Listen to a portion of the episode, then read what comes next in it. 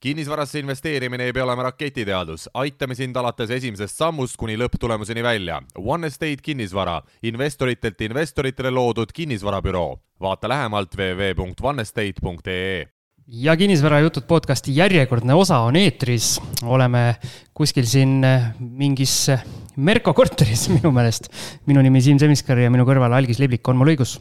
Tere, Siim, ja sul on õigus jah, aga see ei ole Merko korter, et see on, sellel korteril on omanik, üks investor, nii et äh, aga see on Merko ehitatud jah. no ma panin enam-vähem, enam-vähem panin täppi, aga me, plaan on nüüd äh, selline, nagu me siin eelmises osas välja ütlesime, et enam me saate numbreid ei ütle ehk siis äh, vaadake notes idest järele, mis number saade see on meil. noh, ja kui keegi podcast'i keskkonnas kuulab, siis ta näeb ka seda episoodi numbrit. just, sest ja. meie numbrid on nii suured, et minul läheb kolmekohaliste numbritega läheb keeruliseks. jah, et kuna enne sada oli juba nii keeruline, siis me leppisime kokku, et me peale sadat äh, enam numbreid ei ütle, et siis Siimul natuke stressi vähem.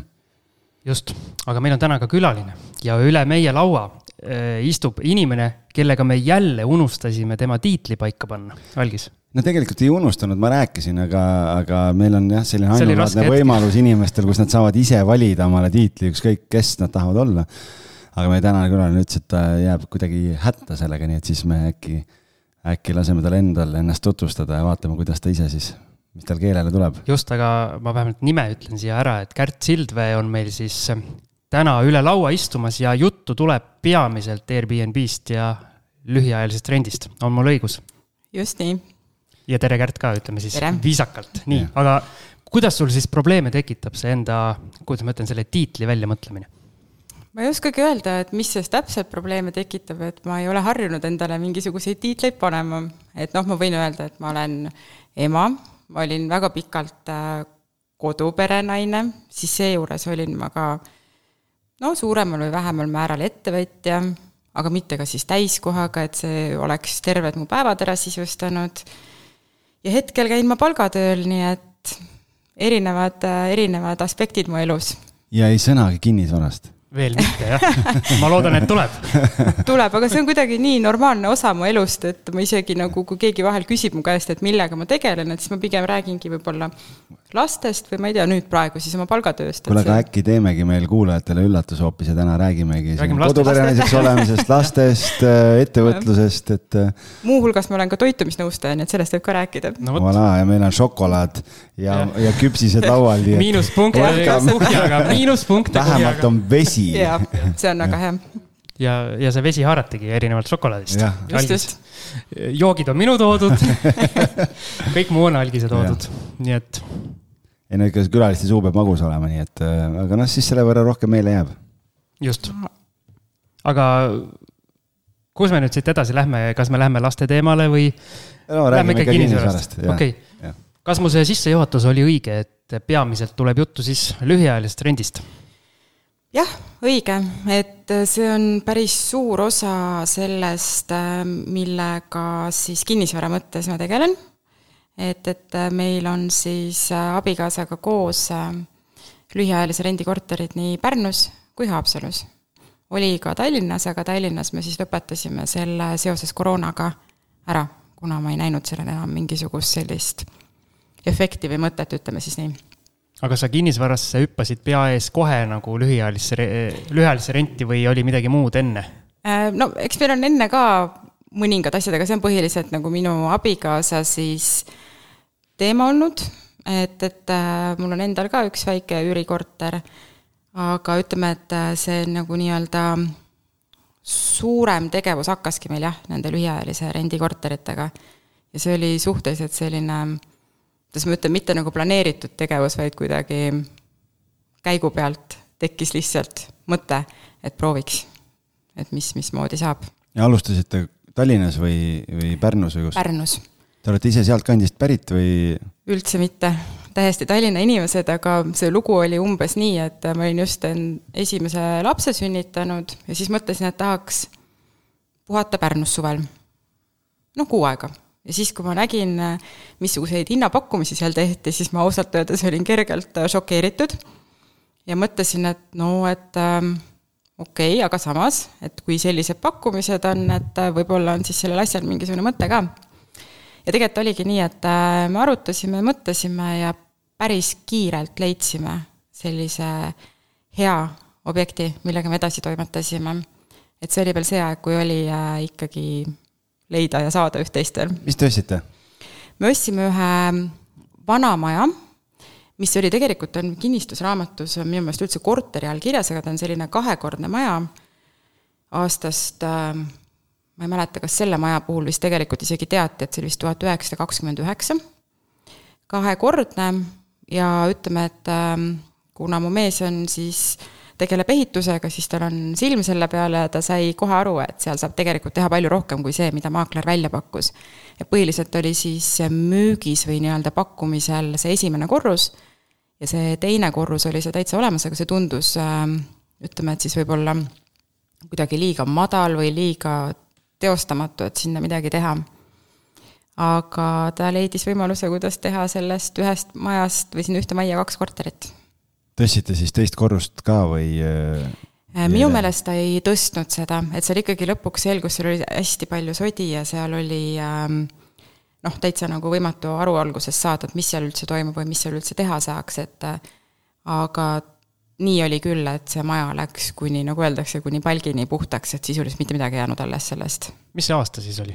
Äh, see oli kaks tuhat kuusteist ähm, lõpupoole või kuskil sügisel umbes nii mm.. aga oli sul enne nagu muudes varaklassides investeerimisega mingit, mingit pistmist või seost? Äh, olid sa aktsiatesse proovinud äh, paigutada või midagi, ei? ei, üldse mitte, siiani ei ole, nii et et kinnisvara ja, ja nii on, jah? Jah, noh, siiani tundub, et see on sellisel kujul, nagu meie seda teinud oleme, on mõistlik okei okay,, aga ma küsin siia selle küsimuse, enne kui ma algisel lasen üle võtta nendele Airbnb teemadele, siis äh, kas lühiajaline rent on pigem ettevõtlus või investeerimine? ma ütleks, et on mõlemat, sest et üks on see, et äh, sul on see objekt, mida iganes sa siis välja rendid, et üks korter, kaks korterit, mis iganes, et ta on ikkagi sinu nii-öelda investeering, pluss mis võimaldab sul teenida tegelikult äh, lisa ja ma ütleks, et sõltuvalt korterist, asukohast äh, ja nii edasi, tõenäoliselt ikkagi rohkem kui siis, kui anda seda korterit pikaajalisele rendile. ehk mõlemad siis no vot, Siim. sain vastuse. jah, aga kui te selle esimese korteri või need kaks korterit valmis tegite, siis oli kohe kindel plaan, et, et nüüd läheb lühiajalisse üürimisse ja, ja hakkame mammonat kokku ajama? Jah, see plaan oli, aga olgem ausad, et äh, kumbki meist ei teadnud sellest mitte midagi. et see oli nii, et meil oli mõningaid tuttavaid, kes on sellega tegelenud, aga siiamaani ma näen seda ja kuulen et kui ma küsin vahel inimeste käest, ma küsin suht ausalt, et noh, et kuidas läheb, et siis öeldakse, et oh, no nii hästi, kõik kogu aeg väljas. siis ma alati mõtlen, et no ma ei tea, kas liiga odav või, või midagi nagu on. ja siis, kui hakkad nagu täpsemalt küsima, siis saad aru, et ega ikka ei ole kõik kogu aeg väljas, et sul on augud ja nii edasi, aga lihtsalt see nagu taju võib-olla on siis kuidagi selline, et, et, et tundub, et kogu aeg on väljas. tegemist on kogu aeg nii palju, et siis, siis kogu aeg on. jah, jah, võib ka nii aga, olla. aga kui see, kui te noh Te ise elate Tallinnas igapäevaselt? et nagu tundub ju päris hullumeelne, et äh, mitte midagi ei tea lühiajalisest üürimisest ja siis hakata tegelema Tallinnast Pärnus lühiajalise üürimisega, et äh, kuidas see kõik välja nägi? no see esimene siis Pärnus oli nii, et kõigepealt meil sai valmis äh, üks korter ja mina, ma tegelikult elasin nagu vahepeal, just üks päev arutasime seda, et päris tihti olin seal Pärnus. niimoodi, et ma elasin seal ülemises korteris käisin niimoodi paari-kolme päeva kaupa. ja siis vaatasingi, et mismoodi see asi käib, sest et äh, kohe, kui ma selle ülesse panin booking usse, siis kohe tulid esimesed bronnid, see sai valmis kaks tuhat seitseteist juuni alguses, noh, täpselt õige aeg. Ja siis äh, ega siis, kui esimesed bronnid tulid, ei olnud meil veel koristajad ka.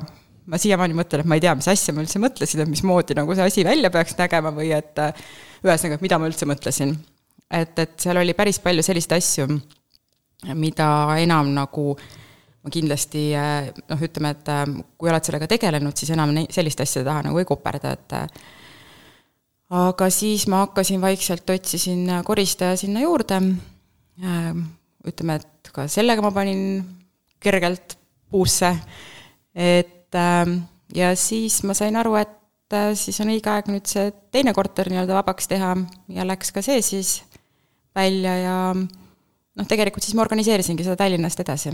aga kas sa siis koristasid alguses ise? mõned korrad oli küll, jah.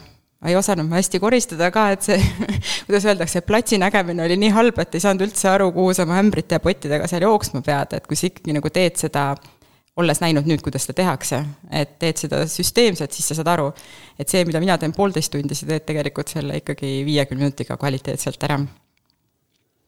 aga panid booking usse üles, et äh, seal on ju ka omad protsessid, et ma ei tea, kuidas praegu, ma ei ole ju äh, nüüd, äh, me booking ut proovisime suhteliselt lühikest aega, aga aga ma siiamaani olen seal Airbnb ja booking'u haldurite grupis sees ja siis seal kirjutatakse umbes, et panin kuulutuse booking usse üles, mul ei ole ikka seda mingit kinnituskoodi või mingit kirja tulnud ja kuulutus ei lähe ülesse ja kas sellega läks nagu sujuvalt kõik ja mingeid probleeme ei olnud või?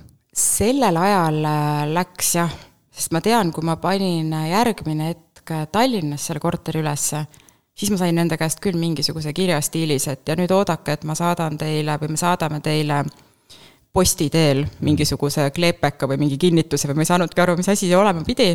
ja see tekitas minus väga suurt ärevust, et mis mõttes te posti teel, et äh, aga siis ma helistasin neile ja küsisin, et kas on äkki mõni tänapäevasem võimalus ka. ja siis nad ütlesid, et on täitsa olemas, jah. jah, toome ise kohale. ma mäletan, ma pidin videotuuri neile tegema, näitama korteri ette kõik, et siin on magamistuba, siin on vannituba, siin on teine magamistuba, kõik mingi naisterahvaga oli nagu videokõne.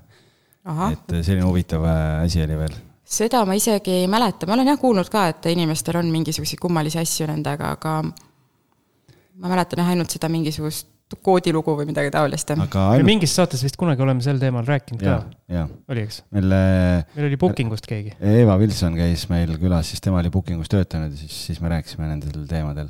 see vist tuli selle mingi pettuste pärast, et pandi mingi suvakorterid ülesse. jah, et oli mingid villad kuskil Liivalaia tänaval, mida reaalselt ei eksisteerinud, et aga ainult booking usse panid või Airbnb-sse ka? Äh, ma panin äh, siis ikka mõlemasse, algus booking ja siis Airbnb. kuidas täna, oled ka mõlemas? olen, aga kui meil on kokku praegu seitse korterit, siis see on keeruline, sest et äh, ma ei tea, mis anomaalia see on, et Airbnb ja booking omavahel süngivad hästi aeglaselt kogu aeg, välja arvatud juhul, kui on mingisugune SOS olukord, siis nad suudavad hästi kiiresti kõik asjad ära teha, et ja nüüd see suvi on mul esimene suvi, kus ma teen seda kõike palgatöö kõrvalt, mis tähendab seda, et ähm, no ütleme, et mul on olnud siin paar sellist juhust, mida väga korrata ei taha, et ma mõtlen tegelikult Airbnb-st loobumise peale. tohoh, niipidi, et äh, ma mõtlesin, tuleb vastupidine vastus, aga noh, siis sinna saamegi, võib-olla jõuamegi. et äh, võib-olla selle äkki, äkki lepime nii kokku, et praegu vaatame kõigepealt selle portfelli poole, esimeses saate pooles näiteks ära ja siis saate teises pooles räägime võib-olla selle äri mingeid peensusi, kogemusi, asju, kuidas on ja. läinud ja, ja mis kogemusi Neid, mida isegi algis ei tea.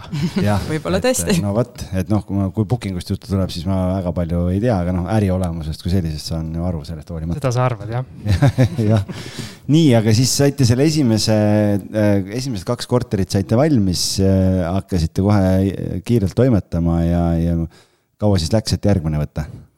palju teil on Pärnus praegu, mm, seitsmest? praegu on kolm. okei okay ja Haapsalus on siis neli? jah mm. -hmm. et äh, millal järgmine tuli Pärnu äh,? Pärnusse ei tulnudki, vahepeal tuli Haapsalu üldse.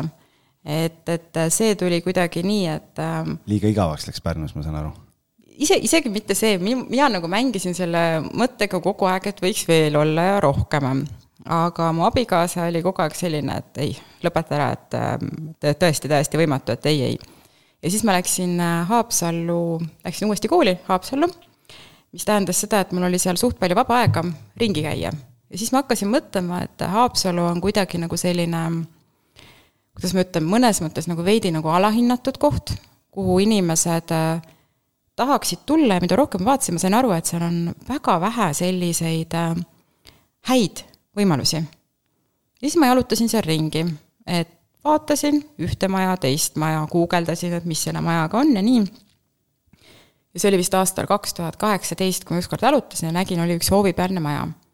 ka noh, hästi kole ja hästi räämas. ja ma nii hästi mäletan seda, kui ma läksin koju ja ütlesin, et kuule, et vaata, mis ma leidsin. ja siis mu abikaasa ütles mulle, et mine ära, et ma tõesti, ma ei taha nagu mitte midagi kuulda. ma ütlesin, vaata.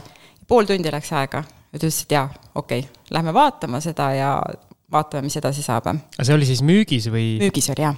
okei okay.. et see oli jällegi see aeg veel, kui oli, mida müüa ja mida osta nagu. no äkki tuleb tagasi need ajad ikka. noh, ma tahaks ka loota.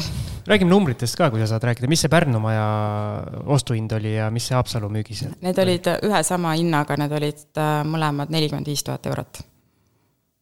nii et wow. wow. et see tegelikult äh, ongi nagu ütleme, et mõnes mõttes ka meie selle, ma, ma ei nimetaks seda võib-olla eduks, aga ütleme, et siis selle nagu hea tulemuse nii-öelda võtmeks on just see hind ja see hind on selline, et hind oli väga hea, aga inimesed väga-väga kardavad selliseid asju osta. noh, mis tõesti, sul ongi see, et sa astud sisse ja sul jääb, ma ei tea, uks pihku enam-vähem või kukud kõhuli maha kuhugi, sest et äh, pole põrandast või ma ei tea, mida iganes, et. Äh. aga kui sul on ehitaja kodust võtta, kuigi teda tuleb seal üles soojendada mm,, siis, äh, siis sinul seda kartust ei olnud? Ei, aga see ongi nagu selles mõttes väga nagu suur, kuidas ma ütlen, tiimitöö, sest et nagu ma ütlesin, et ta näeb seda, mida siis äh, nii-öelda mina elu sees ei näeks, pluss teine on selline teistpidi selline hea platsi nägemine, et äh, võimalused ja võimalused ainult, mitte siis nagu takistused. aga kuidas see tööjaotus on tehtud teil siis, et tema aitab nii-öelda teeb, teeb sitast saia ja, ja sina siis sisustad ära ja teed selle poole või? Äh, sisustamisega me tegelikult äh, tegelesime ka koos mm. -hmm. et, et äh, kuna mingil hetkel nüüd näiteks just viimase korteriga oli tal palju rohkem aega kui minul, siis ta saatis mulle a la pilte mingisugustest asjadest, et mis sa arvad, siis ma ütlesin, et jaa, okei okay,, ei mitte mingil juhul, mis iganes, et äh, aga muidu oli küll, et äh, eriti just Pärnu esimese kahe korteriga ma käisin ikka meeletult palju mööda poode ringi otsimas mingisuguseid viimaseid vidinaid, et äh, Haapsalus läks see juba kuidagi nagu kiiremini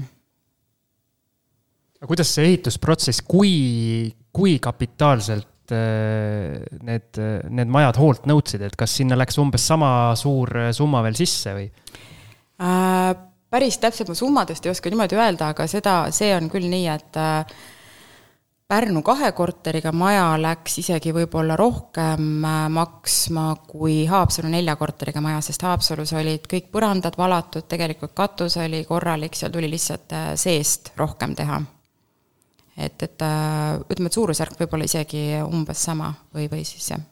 Kui me nüüd nendest korteritest räägime, siis äh, teete üheseid, kaheseid, kolmeseid, et mi, kui suured korterid need on, mida te teete?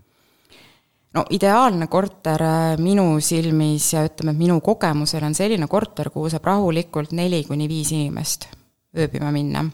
mis tähendab seda, et ta peaks olema ikkagi minimaalselt kahetoaline. meil on üks siis selline stuudiokorter Haapsalus ka, kuna seal, ma ei tea, ruu-, ruumi jäi natukene liiga palju, et teha üks korter ja natukene liiga vähe, et teha kaks nagu normaalset korterit. ja siis me seal mõtlesime, mis sellega teha, et kas teha sinna täisköök sisse või pigem mitte, et äh, ikkagi tegime täisköögiga kahele inimesele. see on lihtsalt, küsimus on hästi praktiline just selles, et mis hinda sa inimeste käest küsida saad. et kui saab ikkagi neli-viis inimest ööbida, on ka hinda parem küsida. Siim ei tea hindadest midagi ma saan aru, seal Haapsalu majas on neli korterit? jah. okei okay.. nii, ja siis äh, see oli nüüd, äh, mis aastal see oli? see oli äh, kaks tuhat kaheksateist ja see sai valmis nii, et kaks alumise korruse korterit olid kaks tuhat üheksateist valmis ja kaks ülemist olid kaks tuhat kakskümmend valmis. okei okay., ja kuidas selle Haapsaluga siis, seal oli juba Pärnu kogemus oli all ja teadsid juba protsessi õiges järjekorras teha ja, ja läks nagu alguses kohe sujuvalt? jaa, ma sain aru, et äh, on hästi olu-, kõige, kõige number üks asi on see, et leida õige inimene, kes aitaks äh, koristamisel, aga mitte ainult, kes, kes oleks selline inimene, keda sa saad usaldada sada protsenti, kellele sa võid ka helistada, kui on vaja midagi, mis iganes, poest midagi seal tuua, et me ei hakka Tallinnast Haapsallu sõitma, kui nõudepesutablette on vaja osta või midagi taolist pluss mingisugused väga väikesed asjad, aga tegelikult olulised, alustades äh, sellest, et ei ole mõtet osta voodipesu Jyskist või IKEA-st, vaid ikkagi no,. miks, miks mitte? no aga sellepärast, et see on meeletu, mida nad seal pesumajades kasutavad, äh, mis aineid nagu selles mõttes, et äh, et, et ikkagi, kui on profipesud, siis sa ise nagu. võtsid hotellid arvetest? jah, noh nagu enamus inimesi vist. me alguses okay. võtsime ka võtsime äh, Jyskist, on ju, ja mm., ja noh, siis kulusid ja pleekisid nii kiiresti ära pesumajas, et see oli mm -hmm. õudne lihtsalt, et noh, hotellide arvates sa võtad valged, on ju mm. -hmm.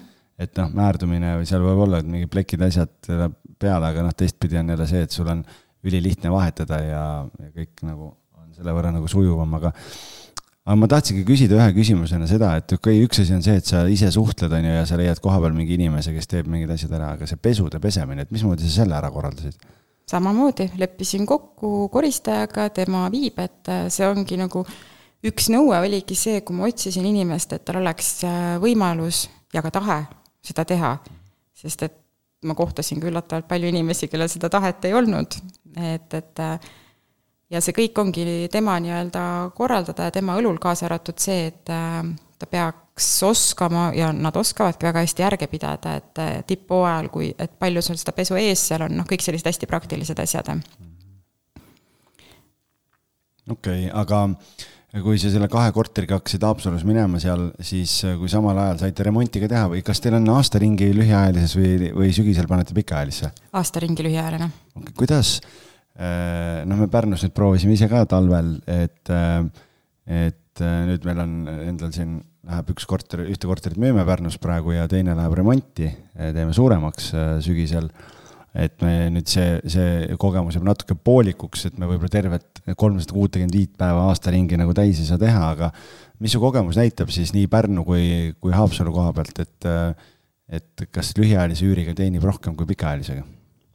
summa summarum kindlasti ja ka ma ütleks, et Pärnu puhul äh, on ikkagi äh, seda või nagu liialdamata öelda, et sisuliselt ikkagi kõik nädalavahetused on väljas. et, et ähm, ka siis madalhooajal, no mul ei ole kogemust selle kolme korteriga, aga Haapsalus on nagu näha seda, et need inimesed äh, liiguvad seal kuidagi teistmoodi, seal ei ole meil küll sellist kogemust veel, et hästi palju välismaalasi käiks, sest me alustasime siis, kui sisuliselt välismaalasi Eestisse nagu noh, nad võib-olla natuke said tulla, aga mitte sügaval nii väga. just, täpselt, sügaval koroona ajal, et aga ka Haapsalus siis, kui oli kaks korterit, ma väga nagu üllatusin, et äh, need korterid olid nagu ka nädalavahetustel kogu aeg väljas. ja Haapsalu selles mõttes, et ma ei tea, olete käinud kunagi seal mingi esmaspäevasel novembri õhtul näiteks ringi?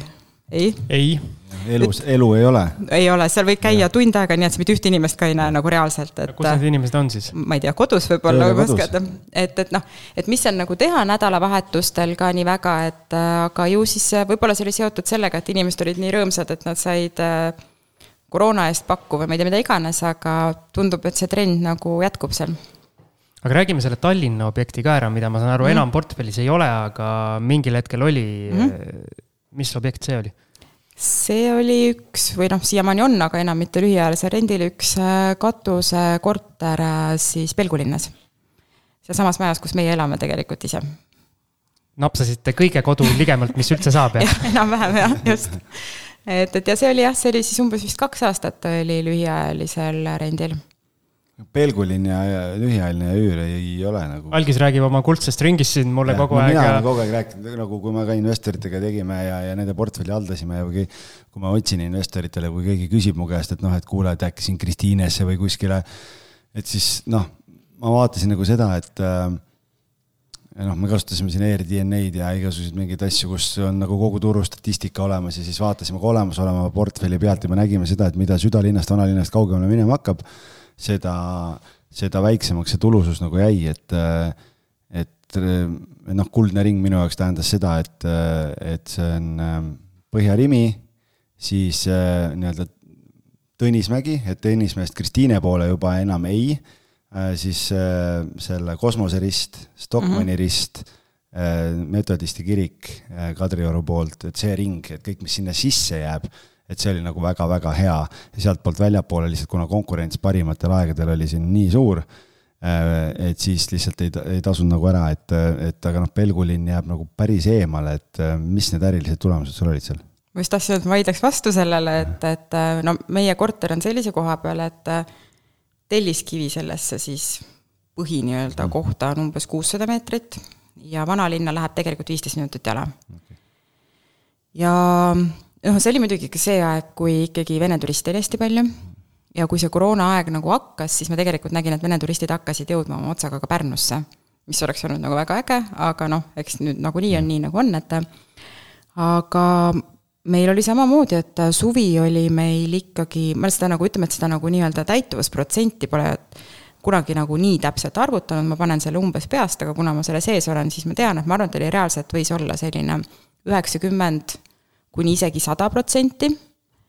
ja ka kõik nädalavahetused samamoodi. okei okay,, no tegelikult meil ju Kaspar Kiisa käis ka ja temal on Mustamäel äh, seal on lühiajalise üürikorterid ja seal on ka, selgub, on nagu selge turg olemas mingitele nagu nii-öelda välismaalastele, kes tulevad äh, sinna Mustamäe poole kuskile mingi, mingi töölähetustele, asjadele, et äh, kes nagu kasutavad, et et lihtsalt pigem, pigem võib-olla selle kuldse ringiga oli ka see asi, et kuna meil endal kuna me pakkusime haldusteenust investoritele, siis noh, sa ei saa võtta, et üks on Viimsis ja, ja teine on Kakumäel ja kolmas mm -hmm. on mhm. seal, sest noh, see logistiliselt ei, ma, ma ei manageeri ära. ja siis mees mõtles mingi jutu mingist kuldsest ringist. ei, ei tegelikult, ei, tegelikult me ju proovisime, me proovisime ka, meil oli Stroomis näiteks oli üks korter, on ju, ja mingid asjad ja noh, me nägime seda vahet lihtsalt, et ja kui, kui me nägime seda, et noh, meie eesmärk oli ju investoritele nagu nii palju raha teenida kui võimalik mm -hmm. ja kui me nägime seda, et sealt nagu pikaajalise üüriga ei tulnud seda efekti sisse, noh siis, siis päris suhteliselt äh, nii-öelda ebaviisakas ja vale oleks minu arust investoritele öelda, et jah, see on mõistlik investeerimisotsus sinna nagu Airbnb korterit osta, et pigem vaata sama raha eest, ma ei tea, võta selle kahetoalise asemel näiteks, ma ei tea, ühetoaline kuskile südalinna või, või noh, et, et sest see on selles mõttes nagu turisti jaoks kindlasti nagu magusam äh, koht, see oli pigem see mõte nagu ja likviidsem ka. aga kas teil see Tallinna korterihaldus, mis oli samas majas, kus te elasite, oli ka välja antud või seal käisid ka ise? Ähm, noh, seal oli küll see, et äh, pesu viisin ma ise pesumajja ja mul oli üks või kaks koristajat, kelle poole ma pöörduda sain, aga kuna see oli selline aeg, et äh, ma olingi ühe lapsega kodus ja tegelikult ootasin teist last, siis ma vahepeal toimetasin ise ka seal. aga mitte nagu jah, ütleme, et toimetasin ise ka, aga see oli selline jagatud. ja ma nagu mõtlen, kui on nagu samas majas äh, ja veel nüüd lapsega kodus ka, siis äh, võib-olla tekib selline kiusatus nagu, et no ma olen juba niikuinii siinsamas, et äh, või kuidas sa selle lahendasid enda jaoks? no ütleme, et noh, ega ma siis ikkagi nagu ju koristajale ju maksin selle eest, et ega ma kellelegi rohkem nagu selle eest nagu midagi, ütleme, et see kõik muu, mis puudutab kliendi suhtlust ja kõik, kõik see muu, see on puhtalt ainult äh, minu enda teema, et äh, need inimesed, kes meil koristavad äh,, nemad koristavad, siis mujal, eks ju, tegelevad ka pesumajaga ja kui midagi on, et siis ma vahel palun nende abi mingites SOS küsimustes kuule, aga tegelikult äridetailidest pidime teises pooles rääkima, meil on rääkimata Pärnus veel kaks korterit, et, et millal tulid Pärnusse see teine ja kolmas siis äh...? tähendab, et kaks tükki tulid sealsamas kohe, et nüüd kolmas siis on tulnud hiljem? jaa, see kolmas äh, saabus võimalus äh, kaks äh, tuhat kakskümmend üks sügisel. ja see oli väga, kuidas ma ütlen, nagu lihtne teema, kuna need äh,, kõik need korterid on seal kaasomandis siis me saime lihtsalt teate, et see korter on ära ostetud. ja kui me saime teada, mis hinnaga, siis ei olnud nagu pikka mõtlemist.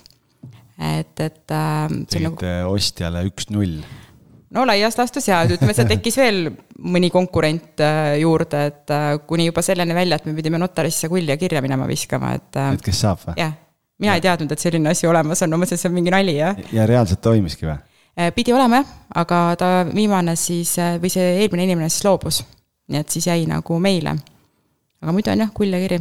mismoodi see käib?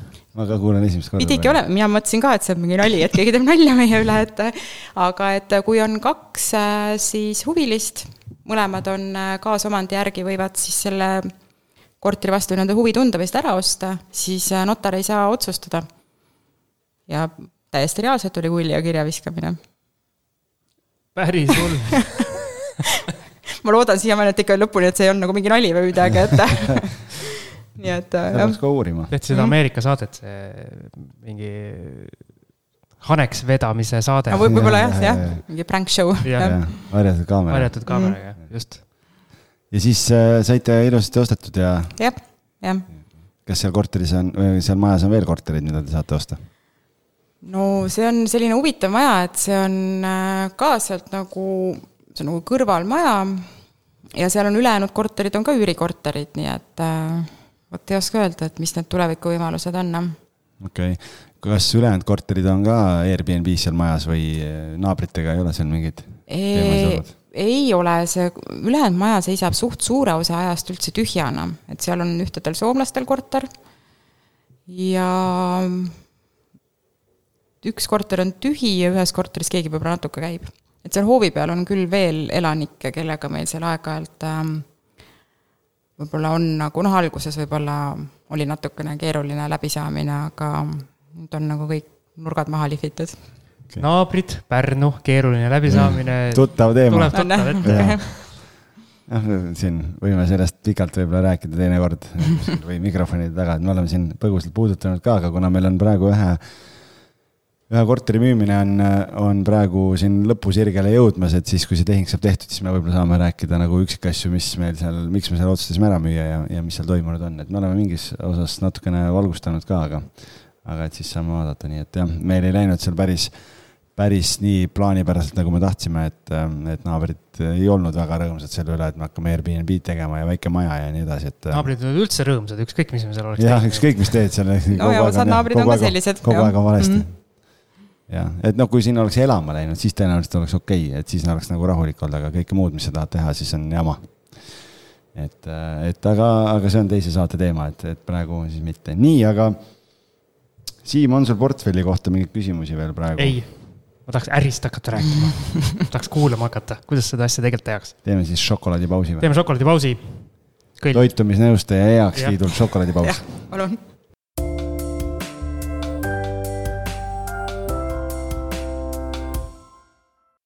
nii, algis siin veel krõbistab viimast šokolaadi. suu on šokolaadi täis. jah, aga esimeses osas võib-olla meil jäi natukene puudutamata finantseerimise küsimus, et kui mind nagu huvitab sellest vaatest, et kui te ostate sellise räämas, räämas maja, kus ukselink koos uksega võib käe külge jääda, siis kas sinna saab üldse pangafinantseeringut või kuidas teie selle asja lahendanud olete? jah, Pärnus see maja, see on või oli siis, ostetud äh, laenuga, selles mõttes, et äh, ja me saime pangast isegi natukene rohkem, kui me tahtsime, no laias laastus kogu selle maja maksumuse. et, et sellega probleemi ei olnud, aga ma isegi täpselt ei mäleta, et ju seal ikkagi olid mingisugused väga konkreetsed tingimused ja jah, kindlasti nii oli et, et aga sellel hetkel sai, et ütleme, et kui mingi hetk nüüd, kuskil siin aasta-paar tagasi, ma proovisin ka küsida, et siis öeldi kohe, just Haapsaluga seoses proovisime ka küsida, siis öeldi kohe, et nad ei äh, finantseeri sellel hetkel nagu üldse mingisuguseid taolisi asju. kuigi noh, ütleme, et rahavoog ja kõik oli nagu okei okay,, aga see oli siis selle mingi selle hetke otsus. aga noh, see finantseerimisega üldse, et äh, on see nagu nüüd, kui sa vaatad kogu seda portfelli, et, ähm, et olete pigem oma jõududega teinud ja läinud või, või ikkagi nüüd on nagu pangaga juba asjad sealmaal, et portfell ja, ja aastad on juba, track record on juba neli-viis aastat on selja taga, et, et on nüüd lihtsam? Eh, pärast seda Haapsalu me ei olegi rohkem kellegi käest enam küsinud midagi, et, äh, et, et siis. vaata, Siim, pappi voolab nii kõvasti peale Airbnb-ga, et ei ole no, panka vajagi. mitte ainult sealt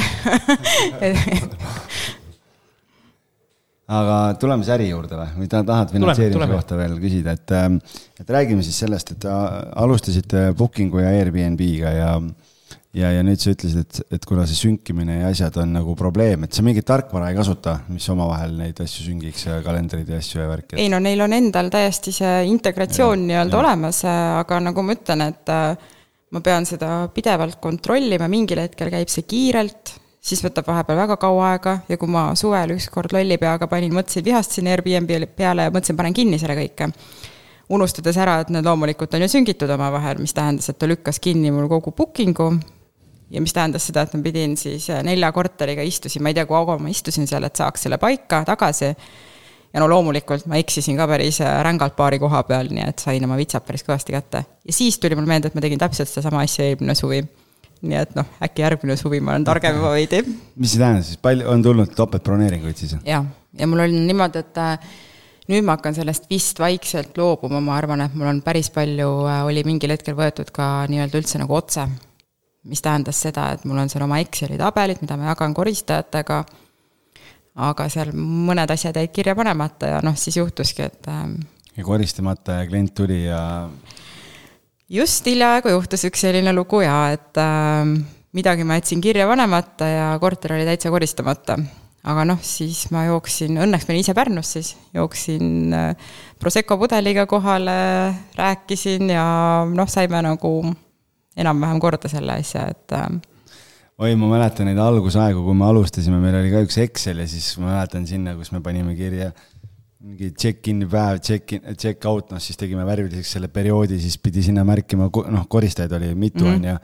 et noh, korterid rohkem, et siis, siis äh, kes koristab ja mingid asjad ja mitu inimest ja mingi hullu süsteemi töötasime välja ja toimis tegelikult päris okeilt, aga mingil hetkel ikkagi saime ka aru, et see nii-öelda errori tõenäosus on üsna suur ja saime ka seal paar korda, paar korda vitsad ja siis me lihtsalt äh, võtsime ühe soft'i kasutusele, kus me saime teha koristajatele ligipääsud ja asjad mm -hmm. ja mhm. kõik info jooksis nagu sisse ja, ja suhtlus oli automatiseeritud suures osas ja kõik sellised asjad, et äh, väga palju läks elu lihtsamaks ja, ja nagu sellist inimlikku eksimust, äh, et seda tõenäosust nagu jah, praktiliselt polnud, et et äh, soovitan mõelda, aga noh, neid on ka erinevaid muidugi, et see soft, mida me kasutasime jälle oli, seal olid mingid muud bugid ja mingid asjad ja meil olid automatiseeritud mingid noh, et meil oli niimoodi, et, et kui Siim saatis päringu, siis läks päringule teade või vastus, automaatvastus või kui, või kui, kui siis äh, ta tegi broneeringu, siis läks mingi vastus, siis päev enne check-in'i saatsime äh, kogu check-in'i info, siis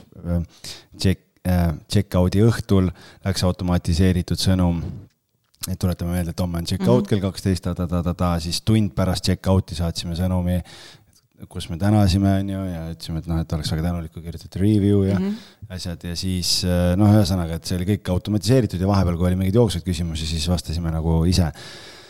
ja, ja siis mõnikord ei läinud välja need sõnumid või siis ei läinud mingid pildid kaasa selle mhm. sõnumiga, kus oli nagu põhjalikult mingid nagu mingid joonised, mingid asjad, kuhu peab minema, mingid asjad, et noh, et ega ükski asi ei ole lõpuni nagu alati täiuslik. ja, ja see nagu kõiki probleeme ära ei lahendanud, aga väga palju ta just seda nii-öelda oma isikliku eksimuse või hajameelsuse riski võttis nagu maha. et äh, aga, aga noh, eks niikaua, kuni king ei pigista, ega nii kaua ei pea uurima, vaata. et kui siiamaani sujub, siis on okei okay,, on ju. minu küsimus, äh, mina olen siin laua taga see diletant, ma võin küsida siukseid lolli küsimusi. mis juhtub, kui sul nii-öelda see topeltbroneering tuleb, mida sa tegema pead? sõltub, kuskohast see tuleb siis, et, et ähm no ütleme, et booking us on nii, et äh, sa saad saata kliendile palve tühistada broneering. aga seal on ka hästi selgelt see, et kui klient selle palve vastu võtab, siis on hästi, aga kui ta ei võta, siis halvasti. et, et äh, siis ma olen mõned korrad helistanud booking usse ja siis nad on ise selle paika ajanud, ma pole siiamaani nende käest trahvi saanud selle eest, nad sisuliselt trahvivad küll, kui vaja on. ja ütleme, et siin mingi hetk, äh, kui see kõrghooaeg ära langeb siis äh, ma üldiselt, meil on nagu samaks päevaks book imine kogu aeg avatud, aga ma vaatan nagu sellistel kriitilisematel päevadel, a la reede, laupäeva õhtud, et, et ma paneks selle varem kinni. et ei tuleks sinna nagu mingit jama. ja mul on ikkagi olnud paar korda täiesti nii, et äh, mul on kuidagi nagu sisemine tunnetus selle peale, et kas tuleb jama või ei tule jama, harilikult läheb täppi alati ja kui ma näen seda booking ut, siis ma saan aru, et. see on see naiste kõhutunne, millest me oleme siin varem ka rääkinud. et ja ma näen seda booking ut reaalselt mitu korda on olnud niimoodi, et ma arvan, et see on jama. ja siis ma olen lihtsalt äh, helistanud kliendile, öelnud, et näed, et sorry, meil on selline asi, et äh, palun, ma maksan raha ise tagasi. ja klient ütleb selle peale, ükskord ütles, et aa, kui meil on muusikakeskus juba autosse pandud, või täpselt see, et mingi päris ka kurb lugu, aga jumal tänatud, eks ju, et noh, et, et äh, mingid sellised asjad, aga Airbnb-s on, Airbnb trahvib päris konkreetselt ja viimane kord nad trahvisid mind selle, sellega, et nad võtsid mult selle superhost'i staatuse ära. nii et äh,. aga mille järgi siis see põhibroneering on ikkagi puhtalt aja järgi nagu sekundi täpsusega või? Äh, mis sa mõtled sellega no,? kui booking ust ja Airbnb-st tuleb samal ajal broneering, et kumma broneeringu sa ära tühistad? Äh, tegelikult nad ei tule nagu kunagi õigel ajal, vaid seal ongi jälle küsimus selles sünkimises. et äh, kui ma nagu mingi hetk nagu usaldan seda, et see sünkroniseerivad need kalendrid ära, siis äh, vahel noh, eriti just kõrghooajal on see, et ma kogu aeg nagu kontrollin, aga madalhooajal vahel ma unustan nagu vaadata. ja siis, no siis ma vaatan ikkagi selle järgi, et nagu aus mäng, et kes esimesena tegi. aga noh, ega seda ei juhtu nüüd ka niimoodi, et mul korra päevas mingisugune jama on hinna järgi ikka? Ma ei vaata niimoodi, päriselt ka, ma võin täiesti ausalt öelda, et ma ei tee seda nagu ah.. kuidas sihukesest asjast äh, nii-öelda hoiduda, seal võib ju olla mingi sekundi pealt tehakse või see sünkimine peaks nagu, ideaalis peaks nagu reaalajas toimuma või? no te, noh te,, ideaalis jah, aga, aga tegelikult, tegelikkuses päris, päris mitte. aga ma mõtlen lihtsalt seda, et sa ütlesid, et äh, no nüüd on neli aastat või palju sul kogemust on, kaks tuhat seitseteist, viis aastat. jah, jah. Et, et nüüd tõenäoliselt paned Airbnb kinni, kas ainult selle sünkimise pärast või seal on, on midagi veel? ma ei tea, see on nagu, minu meelest inimesed jagunevad kahte lehte, ühed on booking'u kasutajad, teised on Airbnb kasutajad, ma olen booking'u kasutaja. mina ka. jah, ja. ma olen reisides booking'u kasutaja, aga kui me äri tegime, siis ma olin Airbnb noh, Airbnb-l on tegelikult äh, laias laastus nagu mõnes mõttes äh, suuremad võlud kui booking us. aga ma ütlen, et ka mul ei ole olnud kunagi nii sellist halba kogemust, et, äh, et, et noh Airbnb-s on ju see, et tegelikult Airbnb nagu nii-öelda vastutab ka või kaasvastutab, siis booking us, mis ongi nende ainukene negatiivne külg, ongi see, et äh, nad tegelikult ei ole minu hinnangul mitte siis minu poolt, vaid alati kliendi poolt. ja, ja sa tegelikult absoluutselt, kui mingi jama on, siis sealt mingit tuge ei saa. ei, mitte ei saa. sa oled üldse, nagu kuskil jah. vihma all, et. et see on Airbnb-ga vahe, see ongi see põhjus, miks ma otsustasin booking'u kinni panna ja Airbnb-d teha, sest me teadsime, et vähemalt kuigi nad ka kippusid kliendi poolt olema alati, aga me vähemalt, eh, oli see tunne ja teadmine, et, et kui sul on mingi mure, siis vähemalt keegi nagu teeb näo, et ta tegeleb. ja tihtipeale aitasid ka.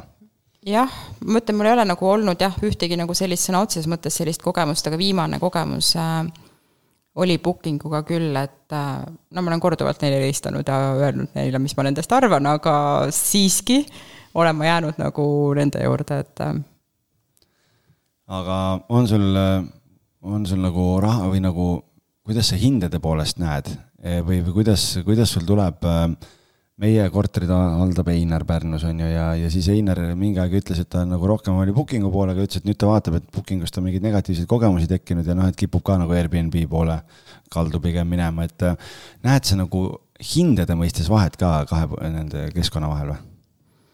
Äh, sa mõtled nüüd siis nagu. Booking versus Airbnb, et üks, ühest tuleb kallima hinnaga bronn kui teisest või, või, või ma ei tea, suurem, rohkem broneeringuid tuleb sealt kui sealt, et. no selles mõttes, et mul tuleb selgelt äh, lõviosa broneeringutest booking ust ja mis mulle booking'u juures meeldib, on see, et äh, ma näen seda hinda, mis ma sinna panen, on see, millega ma selle kliendile müün ma tean, et Airbnb-l tuli nüüd ka see variant vist välja, et sa saad, äh, muidu oli ju see, et alati, et kui sa paned näiteks, et öö on sada eurot, siis kliendi vaates on see mis iganes sada kakskümmend midagi eurot. summad ja asjad juurde. et aga nüüd minu meelest tuli neil mingisugune asi, et seal saab ka panna selle lõpphinna või selle nagu nii-öelda lõppvaate siis, aga ma ei ole seda kasutanud, et ähm, et aga ma ei ole nagu mõelnud isegi niimoodi et kust, kust saaks rohkem raha küsida, et pigem, pigem ikkagi, ma ütlen, minu jaoks on selgem see booking, sest ma panen selle hinna ja siis ma tean. No booking'u puhul vaata selles mõttes, et noh, miks ma ise praegu mõtlen lihtsalt, et okei okay,, viimane reis tegelikult oli Airbnb kaudu, et seal on lihtsalt see vahe, et mees hakkab murduma. Airbnb-s, Airbnb-s maksad kohe, booking us on see, et maksad, ma ei tea, seal üsna enne, enne reisi et eh, noh, eks seal, okei okay,, Airbnb-s saad ka tühistada ja raha tagasi, sõltub sellest cancellation policy'st, aga aga lihtsalt kuidagi, kuidagi jah, see, see on läinud nagu booking'u poolt, sest ma ei tea, Airbnb-s me nüüd käisime Pärnus, seal ei, nagu valikut oli üldse suht vähe, nii et et, et siis võtsime seda, mis oli, noh. aga ma mõtlen nagu kahe portaali puhul veel, veel nagu seda, et et see kliendi tugi, on ju, et noh, minu kogemus Airbnb puhul näitas seda, et kui koroona tuli, siis nad ju hullult reorganiseerisid ja ma ei tea, kolmandiku töötajatest lasid lahti ja nii edasi, et enne oli nagu see, et kui sa olid superhost, siis sa teadsid iga, et sa olid alati nii-öelda prioriteet ja kui sa helistasid, siis said kohe ühendust ja kõik asjad mm -hmm. ja siis, mhm. ja siis, kui koroona tuli, siis see kõik muutus, kõik läks automaatseks, mingid robotid suhtlesid sinuga, mingid mm -hmm. asjad, värgid ja, ja noh, selleks, et mingi tõsise probleemi korral keegi tõsiselt võtaks sind või, või üldse sinuga nagu telefoni teel suhtleks, siis noh, see oli peaaegu võimatu, et on, me pole nüüd olnud aasta algusest Airbnb haldust pole teinud, et on see kuidagi nüüd paremaks teinud uuesti või? ma ei tea, ma ütleks mõlema, nii Booking kui Airbnb puhul on see, et vahepeal tuleb lausa nutt peale, kuidas ei suuda kätte saada seda inimest ja siis selleks hetkeks, et Airbnb-ga mul nüüd ei olegi nagu viimasel ajal nii väga seda kokkupuudet olnud, sest seal ei olegi nagu midagi olnud. Aga mingi asi oli jaa, et ma tahtsin nendega suhelda ja siis lihtsalt see nagu see lõputu, see nõiaring, kuidas sa tammud seal koduleheküljel. see samm ja järgmine ja. samm ja järgmine samm mõtled, ja siis jõuad sinna blogisse on ju, ja siis ütled, et kas sa said selle vastuse, mis sa tahtsid. siis on see, et ei, ma ei saanud, jätke rahule mind, andke mulle see telefoninumber. samamoodi oli booking us viimane kord, kui ma helistasin, ma olin täitsa juba närvi vapustuse ääre peal, sellepärast et noh, kogu aeg sa lased seda ühte ringi. ja kogu aeg sa mõtled, äkki nüüd, äkki nüüd nad annavad sulle selle telefoninumbri, ei anna.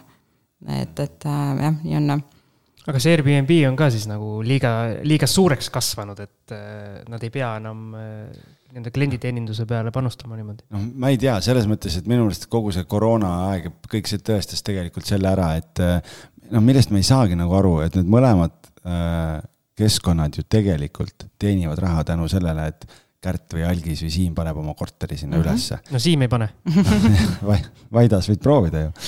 ja siis et noh, et kuidas sa siis nagu jätad ta üksinda, et nagu, et kuidas see reisija, kes tuleb minu korterisse ja teeb mingi kaebuse, et kuidas tema mure, nii kui klient kaebab no, mingi mure on, siis on kõpsti kümne minutiga helistavad sulle kohe ja ütlevad, et kuule, sihuke mure ja, ja mingid asjad on ju, aga siis, kui sa host'ina helistad, et kuule, mul on vaja bronn ära tühistada, sest eh, naabrid kaebavad, et pidu oli eile, on ju.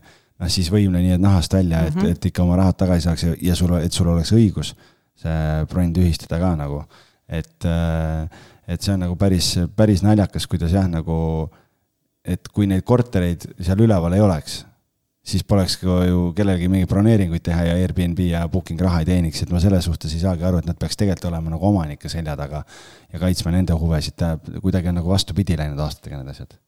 aga ilmselt on see, et see nii-öelda üürnike segment on nii palju suurem, et kui seal rahulolematus tekib, siis äh, minnaksegi kuskile mujale näed sa Airbnb ja Booking'u kliendil selles mõttes nagu mingit vahet ka, et mina, minule nagu jäi selline mulje, et Booking'u klient on rohkem nagu hotellikliendi tüüpi ja Airbnb klient on rohkem selline võib-olla, kes nagu väärtustab nagu rohkem või saab nagu rohkem aru sellest, et, et host'i pingutustest nagu, et. Äh,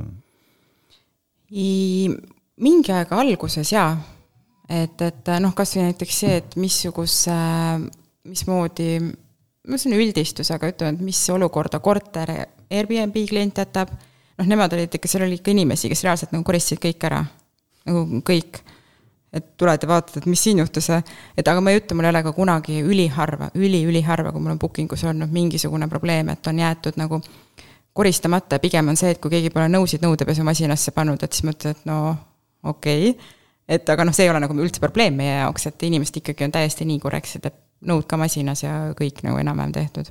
et enam ma nagunii väga ei näe me oleme abikaasaga need noh, kui olles ise selles äris olnud, on ju, siis me alati läheme niimoodi ära, et noh, okei okay,, näha on, et magatud on voodis ja nii edasi, aga noh, et ikkagi pesed nõud ära, teed kõik korda niimoodi, nagu sa ise eeldad. ja, ja tahaks, et kui sa annad kellelegi oma korteri mm, -hmm. et kuidas ta seda nagu kohtleks, et äh, aga oi-oi, kui paljud nagu kuritarvitavad seda ja mul oligi, mul oli selles mõttes nagu ülilühikese sütikuga ikka, et kui keegi läks ära ja oli nagu siga, on ju, et läks ära, et noh, nagu prügi oli laiali ja mingid kõik kohad olid nõusid, asju täis, sa nägid lihtsalt, et ta lihtsalt tuli sinna ja iga asi jäi umbes sinna, kus tal see paber käest mm. ära kukkus, sinna ta jäi, on ju. ja siis ma ikka mõnikord kirjutasin ka, ütlesin, et kas see on see tänu ja lugupidamine selle eest, et ma sulle oma kodu uksed lahti tegin nagu Mm -hmm. no siis vabandas umbes, no jaa, et me siin kiire on ju, siis läksime lennujaama, noh tegelikult sorry, aga ma näen ära, et sa, sa isegi ei üritanud nagu noh, et nagu noh, et see ei ole juhuslik nagu, aga noh, ja minu jaoks oligi Airbnb-l suurem väärtus sellepärast, et siis, kui, kui Siim tuli ja ta oli siga, on ju, noh siis mida ta nagunii on, on ju. siis ma, siis ma, siis ma andsin nagu, sa saad anda teistele mm -hmm. teada ka, et Siim on siga, ärge teda võtke mm. -hmm. aga booking us seda võimalust ei ole. jah, see on küll jah. sellepärast, et sii-, tähendab, sellepärast Siim äh, booking ut kasutabki keegi ei saa, ei saa midagi öelda minu peale ei saa mm -hmm. keegi kaevata mm. -hmm. aga mul on selline küsimus. Äh, on sul äh, nii-öelda host'ina mingid sellised oma mingi käekiri või selline, kas siis sisekujundusega või mingite väikeste nipsasjakestega mingi selline, selline asi, mis eristab sind kuidagi teistest? ma arvan, et nagu sellist käekirja ei ole, aga ma arvan seda ka, et ähm, kui neid meie kortereid vaadata, siis ähm, just need viimased, need nagu eristuvad ähm, just äh, kvaliteedi poolest. et me oleme panustanud sinna ikkagi palju, ütleme niisugust mõtteainet ja me oleme teinud need korterid kõik sellised, eranditult kõik sellised, kus ma tahan ise olla, nii et mul on ülimugav. et seal on olemas ma olen enda seisukohast võtnud kõik asjad näiteks selleks, et süüa teha.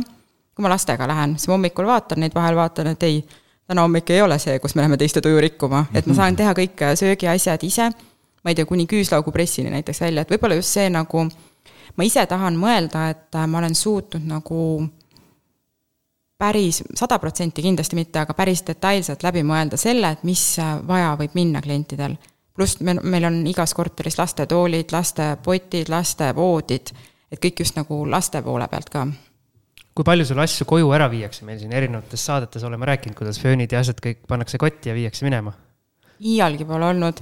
ükskord oli mingisugune teema, me otsisime taga ühte triikrauda, siis lõpuks selgus, et see oli minu peas mingi luulu, et seda pole isegi kunagi olnud. ja siis kadus üks föön ära ja siis samas. Need ei kao ära. ei okei okay,, üks võttis kaasa. jah, sest meil oli ka, meil ka triikrauad ja föönid kadusid kogu aeg. aga see on ainult üks kord ja siis järgmine klient unustas fööni maha ja ma kirjutasin talle, et näete, sihuke asi, et te jätsite fööni maha, siis ta ütles, et ah, las olla. nii et siis ma sain endale uue fööni, nii et okay., et, et aga niimoodi, noh, ma arvan, et äh, kui ma teeks mingit väga konkreetset alla, ma ei tea, rätikute inventuuri või midagi taolist, noh, kindlasti oleks seal üks-kaks rätikut kuskile läinud, et aga niimoodi mitte midagi sellist, mida nagu märkimisväärt oleks. oota, Algis, sina rääkisid, mingi telekaga mindi minema või? keegi kuskil meil siin rääkis minu meelest. Ei, ei meil ei olnud, aga ei, aga keegi, keegi rääkis jah, aga ma ei mäleta, kellega seda juttu oli, et. keegi vist rääkis, et mingi telekate äraviimine on sagenenud või midagi. okei, pole siiani kuulnud, ei tea. päris huvitav aga äh, räägi kindlustuse poole pealt ka, et okei okay,, Airbnb cover on, äh, on ju, aga, aga on sul nagu eraldi lühiajalise üüri kindlustus ka tehtud korteritele peale äh,? jah, on, et äh, nendele majadele on see täitsa tehtud, et äh, otsisime siin ka nagu sobivat pakkumist, et minu meelest kas Seesamist äkki siis äh, leidsime, jah.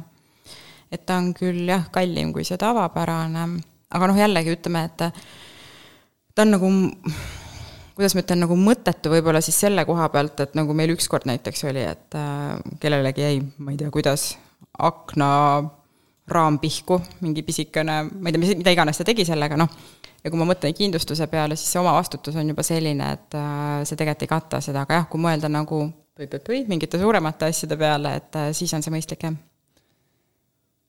ma tahtsin küsida, oota, ma mõtlen korra, issand, mul on erinevates saadetes olnud sellest juttu. mõtle nii kaua, ma küsin ise.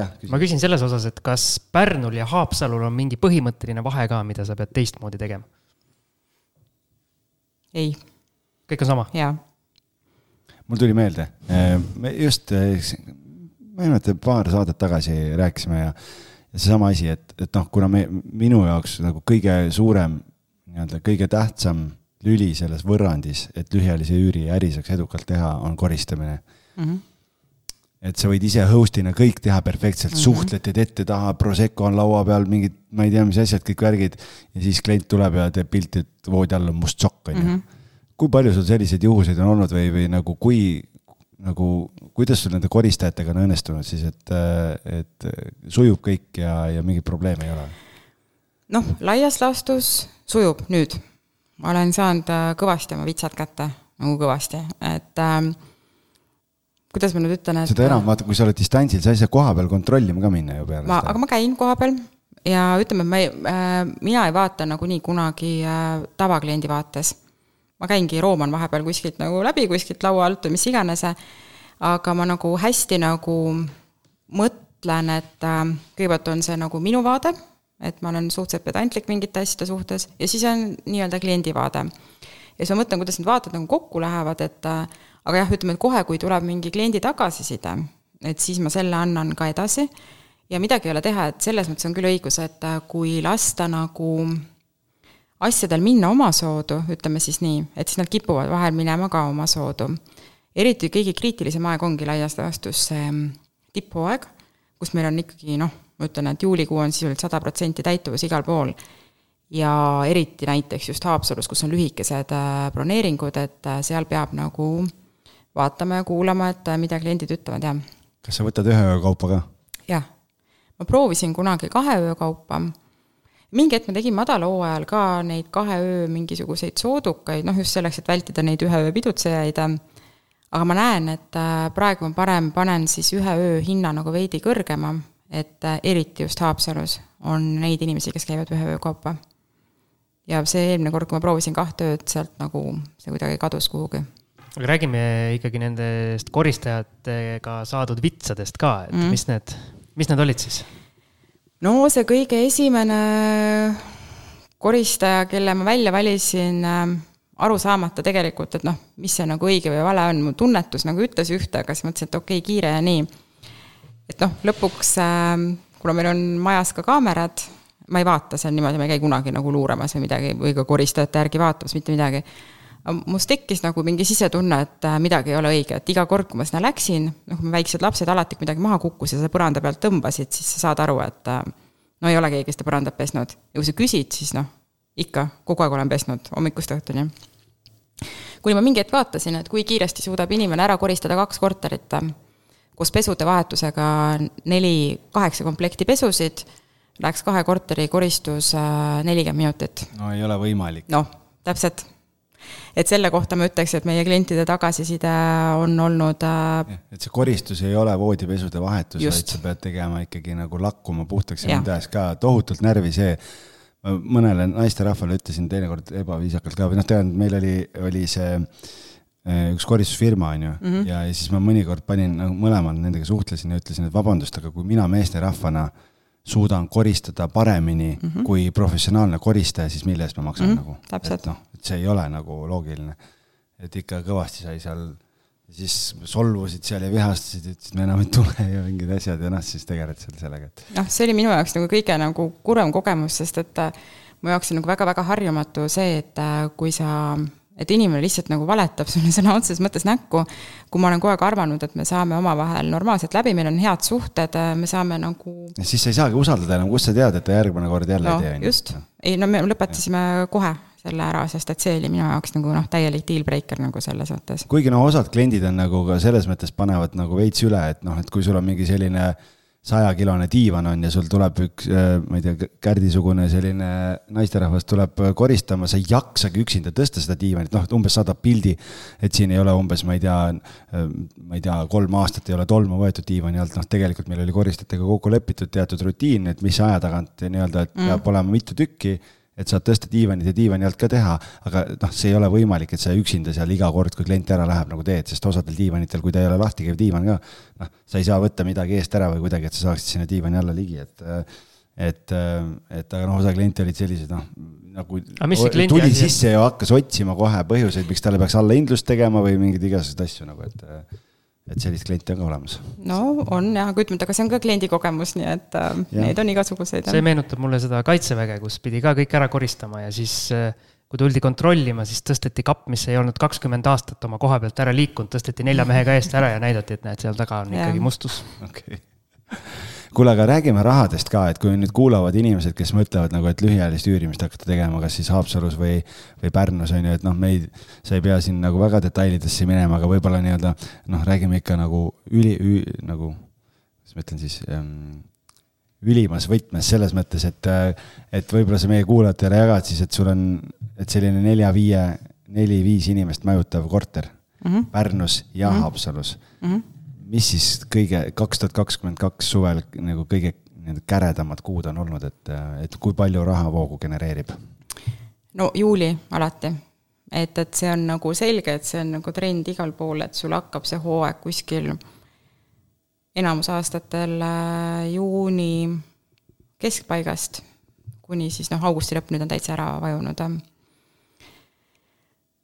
raha poole pealt äh, käibe poole pealt ma olen see tavaline eestlane, kellele ei meeldi rahast rääkida, et tundub imelik. raha on hea. no ei noh, ega ma ei vaidle vastu sellele loomulikult, et, et ähm, no ütleme, kui ma räägin nüüd seitsmest korterist ja see on väga nagu selline laias laastus ja see on äh, selles mõttes, et see ei ole kasum, see on noh. puhas jah, nii-öelda bruto. käi-, käive siis ütleme laias laastus, et ta on seal kuskil no umbes kakskümmend viis tuhat, midagi sellist. kuus? jaa, aga see on ainult üks kuu tippkuu, sest et seda, seda samasugust ma pole seda päris täpselt kokku võtnud, sest seda tuleb nagu erinevatest kohtadest, aga et, et sedasama, seda sa ei korda mitte mingil juhul ei juuni ega augustis. et see kohe kukub nagu kui suur vahe on? no, ma, ma lasen mõtta, ma täna just vaatasin, mis sa äh,, ma arvan, pigem nagu kaks kolmandikku on see, mis võib-olla saad äh, näiteks augustis.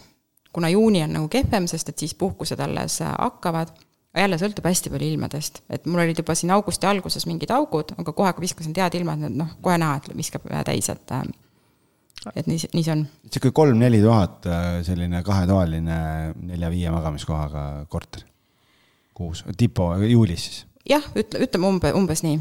Mis see kõige kehvem kuu on, ma mõtlen just nagu äh, kuu mõttes, on see mingi, ma ei tea, jaanuar? jaanuar, veebruar, mis veebruaril viga on? ma ei tea, siis inimesed, inimesed kõik lakuvad oma haavasid sellest jõulutrallist et.... kõik on kaamoses lihtsalt, see külm ja mm., ja lumi ja kõigil on kopp ees juba ja ootavad juba, et mm. kevad ja suvi tuleks. Pärnus pole veebruaris päiket, päikest või? vahel harva on näha. spaas on, jah. okei. Aga sa ütlesid, et sa teed aasta ringi mm -hmm. ja noh, selles mõttes, et ähm, kuidas sa koristaja motiveerituna hoiad kuskil veebruaris, kus ta peab võib-olla kaks korda käima? aga nendel koristajatel ongi tegelikult see, et äh, kui meil on tipphooaeg, on ka neil, et äh, Pärnus koristaja näiteks, ma tean, siis ta läheb puhkusele seal vahepeal äh,, et, et äh, aga nagu osaliselt kindlasti, mitte, mitte täiesti, mingi väike põhjus, miks mitte anda ka tegelikult seda korterit äh, pikaajalisele rendile madalhooajal, ongi see, et äh, mul on vaja see inimene nii-öelda hoida enda juures. et ähm, ja ta pigem siis, nad kindlasti võtavad veel lisatööd. Äh, aga kas see koristaja ongi nagu koristaja nagu täiskohaga? et aga seal sinu jaoks madalhooajal leiab endale siis muud koristustööd või? jaa, tal on oma ettevõte näiteks ja ta teebki kodukoristusi ja kõiki, kõiki asju ja näiteks seesama äh, koristaja, et ta vaikselt laiendab oma haaret ka kogu aeg, et äh, et, et ja on seal võtnud juba vist, ma saan aru. Sindi ja Paikuse ei ta, inimese juurde selles mõttes. ma mõtlesin, et piirkond. et, et, et jah, noh, ütleme, et jah, et kui tal on ikkagi noh, nagu ma ütlen, et juulikuus on kogu aeg üks kõva nagu andmine nii-öelda. Midagi tahtsin, oota, ma ütlen, Siim võib küsida nii kaua, et mul oli tegelikult äh, küsimus ah,, kommunaalarved mm. -hmm. nüüd, kus elekter ja kõik lähevad kallimaks talvel, sinu kui omaniku jaoks kulud suurenevad mm -hmm. oluliselt, et isegi siis ei ole mõelnud seda, et äkki peaks nüüd, nüüd muutma strateegiat ja, ja talvel sellel raskel ajal laskma üürnikel maksta need ähm, kallinevad kommunaalarved? Ei ole tegelikult, sest et äh, kui ma vaatan, mis hinnaga nagu on võimalik neid kortereid äh, siis pikaajaliselt välja üürida, sest et äh, noh, see ei ole nagu üldse nii suur summa, mida ei oleks võimalik teenida seal kindlasti paari nädalavahetusega. ja teine asi on see, mis on nagu üks kõige olulisemaid faktoreid on see, et see korter kulub meeletult palju rohkem siis, kui on pikaajalised üürnikud. mis tähendab seda, et tegelikult võib tähendada seda, et maikuus me peame hakkama mingit remonti tegema. Kusjuures see on see huvitav teema, ma just äh, meie ühise sõbra Heikiga arutasime seda teemat ja mul oli mingist varasemast saatest ka jäänud meelde, et siin kõik äh, lühiajalise rendieksperdid räägivad, et selle lühiajalisega kulub korter vähem mm. -hmm. ja siis me nagu arutasime seda ja Heiki ei suutnud nagu seda väga uskuda, sest see tundub natuke nagu ebaloogiline. no aga tegelikult on ju seal loogika olemas selles mõttes, noh, ütleme, kui enamuses need äh, bronnid on üks-kaks ööd.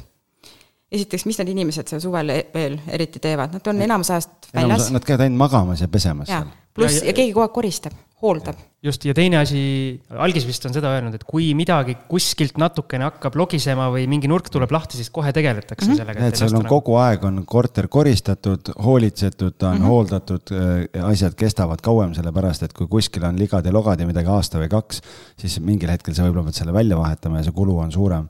pluss just ikkagi väga suur aspekt on see koristamine, et sa võtad küll omale selle tubli mati sinna üürnikuks, on ju, ja vaatad, et jube puhas ja tore inimene, aga siis ta aasta pärast kolib välja ja sa näed, et ta pole kordagi midagi koristanud korteris on ju, ja, ja noh, et tegelikult äh, mina ütlen ka, et see oli üks müütidest, mida ma kohe alguses murdma hakkasin, kui, kui me Airbnb-ga tegelema hakkasime mm, -hmm. et äh, et see amortisatsioon on see, et no tulevad ja pidutsevad ja lõhuvad, aga. no vot, aga kui tuleb üks läbustajate grupp. aga kui sul tuleb üks viiekümnest ja paneb pidu versus see, et sul Mati paneb iga reede-laupäev sõpradega kärakad mm -hmm. seal korteris, siis nagu kummal juhul amortisatsioon suurem on?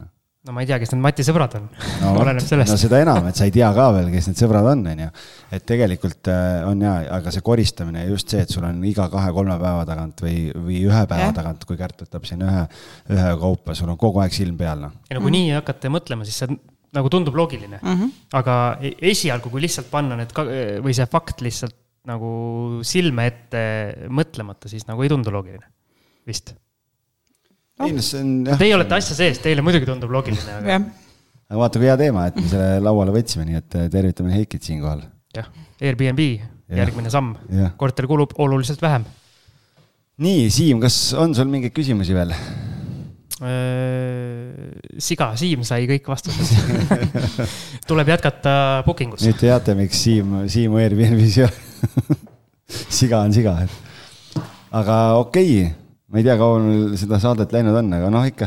tund kuus. Vau, vau, et no ma räägin, et Airbnb ja lühiajaline üürimine ja booking ja kõik see on selline teema, et neid nüansse ja juhtumeid ja asju kõike on nii palju, et seal, ma arvan, võib veel eraldi ja äkki pigistame. aga meie lõpuküsimused ka, meie kuulsad lõpuküsimused. ma tahtsingi öelda, et ah, võib-olla äri, äri selliste kõige markantsemate asjade koha pealt äkki pigistame Kärdilt mingi magusa boonusosa ka meie äh, toetajatele välja, et. mul on üks ettepanek, mis ma lauda käin, aga ja, sellest hiljem. okei okay., aga ja lõpuküsimused, Siim, ma lasen sulle siis traditsioonilised? jaa, esiteks siis on sul või teil siis äh, mingi pikem eesmärk ka, kuhu te tahate oma portfelli kasvatada, kuhu jõuda?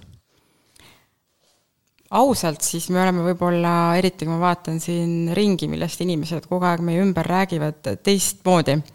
et me ei mõtle nagu selles võtmes, et mis see nagu pikem eesmärk on, et jah, on nagu mingi mõte, et äkki mingil ajahetkel ei pea enam võib-olla nii palju tööd tegema, aga see töö tegemine on meil mõlemal pigem nagu, kuidas ma ütlen, selline harjumus. et, et äh, see nagu käib kuidagi eluga kaasas, et äh, eks ikka hoiame natukene kogu aeg silma lahti, et näha, mis ümberringi toimub. no mingid plaanid on siin ka edaspidi, et ka seotud kinnisvaraga, aga et jah, sellist eesmärki kui sellist me ei ole endale püstitanud tegelikult. aga otsid sa mingeid objekte praegu aktiivselt või? Äh, no vaatan kogu aeg, kui ma ausalt ütlen. jaa, ma nagu vaatan nii Tallinnas, aga ma käin päris tihti Pärnus ja ka Haapsalus ja mul on täitsa ongi see, et ma vahel sõidan mõnest majast mööda, tagurdan, pildistan ja siis pärast jah. sina oledki see, kes seal. Facebooki gruppides figureerib, et siin keegi kahtlane naisterahvas käib siin pildistamas ma teen vaikselt auto aknast. kusjuures selles nali naljaks, et noh, meil just ka siin kodus eile vist oli just teemaks jälle, et kuskil seal ähm, Facebooki grupis oli jälle pildistatud, et olge ettevaatlikud, et siin mingi inimene sõitis just mööda ja tegi pilti. me just arutasime kodus, ma ei ole kunagi selle peale tulnud nagu, et noh, ise ka sõidad mõnikord, on ju, ja siis näed, kellelgi on mingi hullult ilus maja. Mm.. siis tahaks nagu pilti teha ja saata abikaasale, et kuule, vaata mm.. on ju. ma arvan, et samad nagu, inimesed, kui nad väljas, nii-öelda välismaal käivad, siis nad pildistavad iga, iga nagu, maja üles. ma ei tule selle pealegi, et, et nagu äkki keegi arvab, et ma ei tea, mingi varas või keegi, et käisin nüüd pildistamas, et, et mis seal hoovi peal on või kust sealt sisse saab või midagi, aga aga jah, et inimesed on paranoiliseks muutunud natuke. okei okay,, kui on mingi välismaa numbriga autod ja asjad ja käivad ja noh, uurivad, on ju, või keegi jalgratastega mingi kaks kahtlast tüüpi sõidavad, on ju, seal siis noh, see veel, aga nagu ma ei tea, kui sul on ilus kodu ja ma teen sellest pilti ja et, et nagu pärast vaadata, tahaks endale ka samasugust ja hakata uurima, kust seda võib-olla saaks, noh siis. nii et.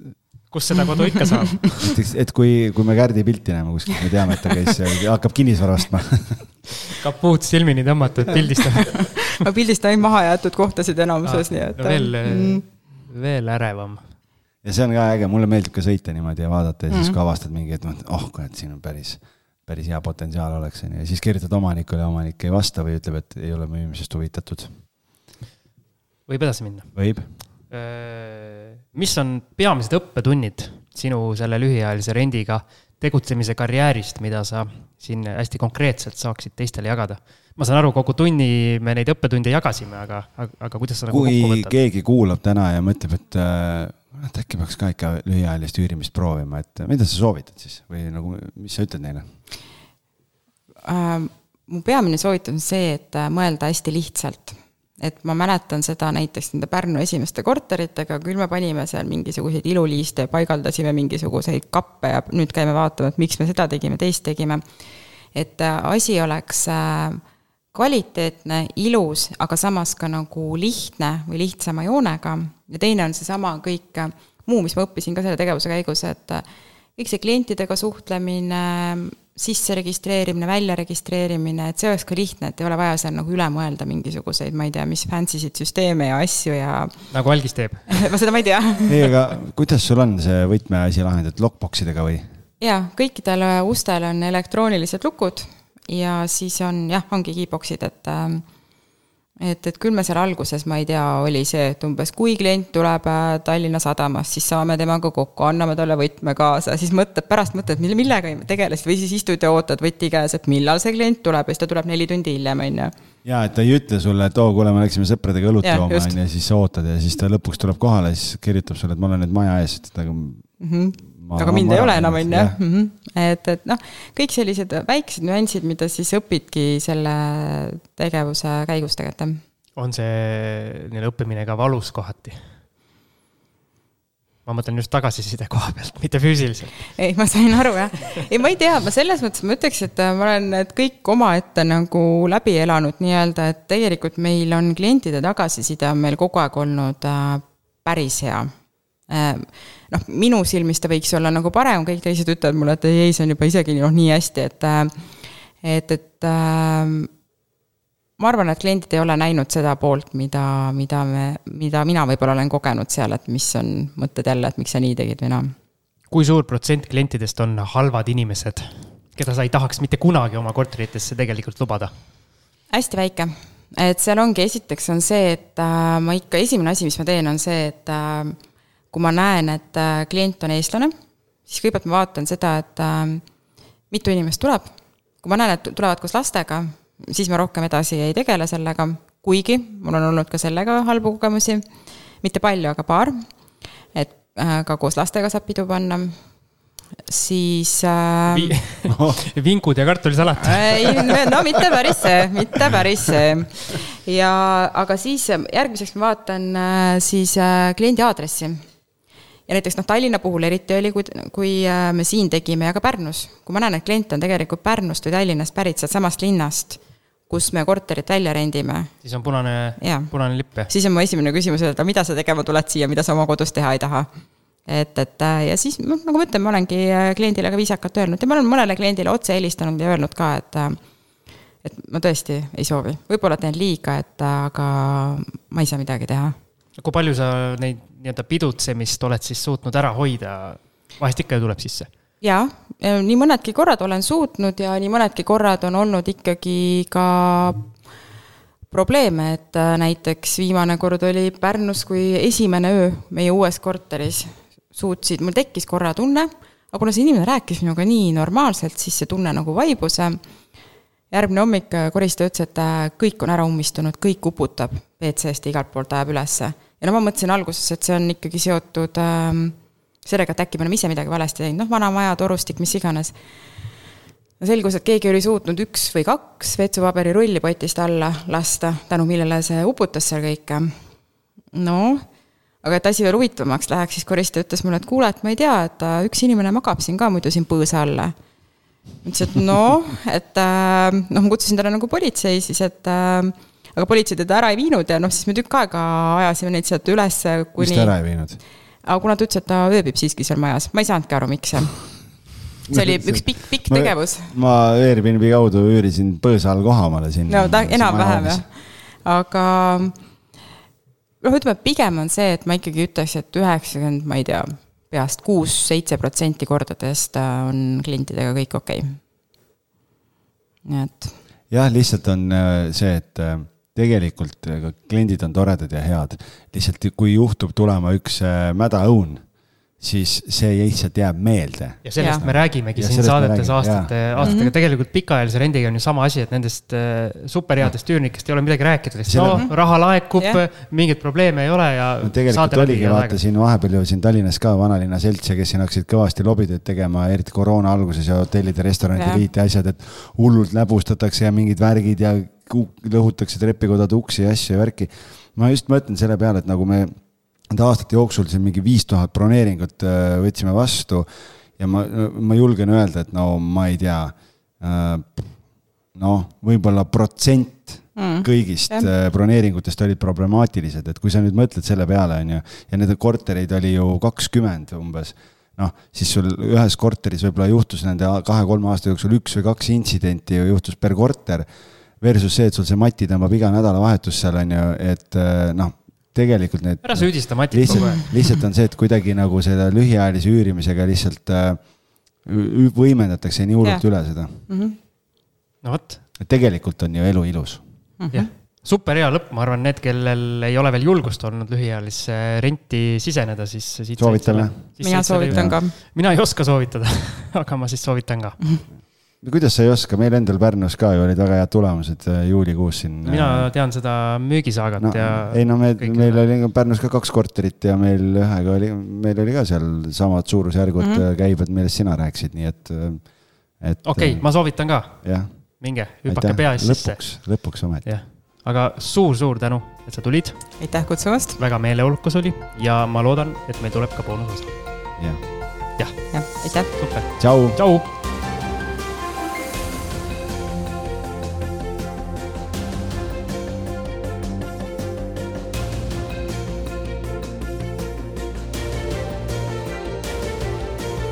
Kinnisvarainvestoritele loodud kinnisvarabüroo, aitamised alates esimesest sammust kuni lõpptulemuseni välja. vaata lähemalt www.onestate.ee